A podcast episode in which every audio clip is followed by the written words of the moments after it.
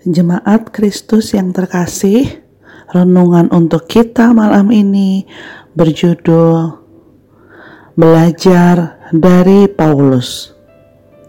Dan bacaan kita diambil dari kitab Matius 15 ayat 21 sampai 28. Beginilah firman Tuhan. Aku mengucap syukur kepada Allahku setiap kali aku mengingat Engkau dalam doaku, karena aku mendengar tentang kasih-Mu kepada semua orang kudus dan tentang iman-Mu kepada Tuhan Yesus. Dan aku berdoa agar persekutuan-Mu di dalam iman turut mengerjakan pengetahuan akan yang baik di antara kita untuk Kristus. Dan kasihmu sudah kuperoleh kegembiraan besar dan kekuatan. Sebab hati orang-orang kudus telah kau hiburkan, saudaraku. Keberhasilan orang lain harusnya juga menjadi keberhasilan kita. Terlebih bila orang tersebut adalah teman atau sahabat yang kita kasihi. Paulus beberapa kali menunjukkan itu ketika jemaat mula-mula di kota-kota yang ia kunjungi ternyata mengalami pertumbuhan dan perkembangan. Paulus merasakan syukur luar biasa atas proses yang terjadi tersebut. Kita dapat belajar dari Paulus tentang kerendahan hati dan ketulusan dalam melayani Tuhan dan umatnya. Paulus yang dulunya adalah orang yang egois berubah ketika berjumpa dengan Tuhan.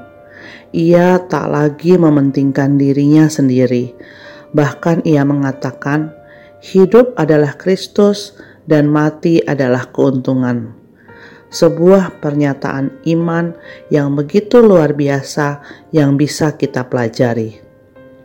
Apa yang dilakukan Paulus tak akan mudah di awal, namun akan menjadi hal yang indah bila kita melakukannya seiring waktu berjalan. Ada satu hal yang harus juga kita ingat, bahwa Paulus memiliki masa lalu yang kelam, bahkan dapat dikatakan ia seorang pembunuh. Namun demikian, masa lalunya tak membuat ia hancur dan malu karena ia menerima itu dan meninggalkan itu semua dengan tuntas. Oleh karena itu, mari terus berjuang memperbaiki diri. Tak ada manusia yang sempurna. Semua memiliki masa lalu dan pergumulan. Dalam Tuhan, semua yang rusak dipulihkan dan mendapat makna yang baru. Tuhan selalu menerima kita oleh karena itu, terimalah juga orang lain. Demikianlah renungan malam ini. Semoga damai sejahtera dari Tuhan Yesus Kristus tetap memenuhi hati dan pikiran kita. Amin. Jemaat yang terkasih, mari kita bersatu hati menaikkan pokok-pokok doa yang ada dalam gerakan doa 21 GKI Sarwa Indah. Mari berdoa.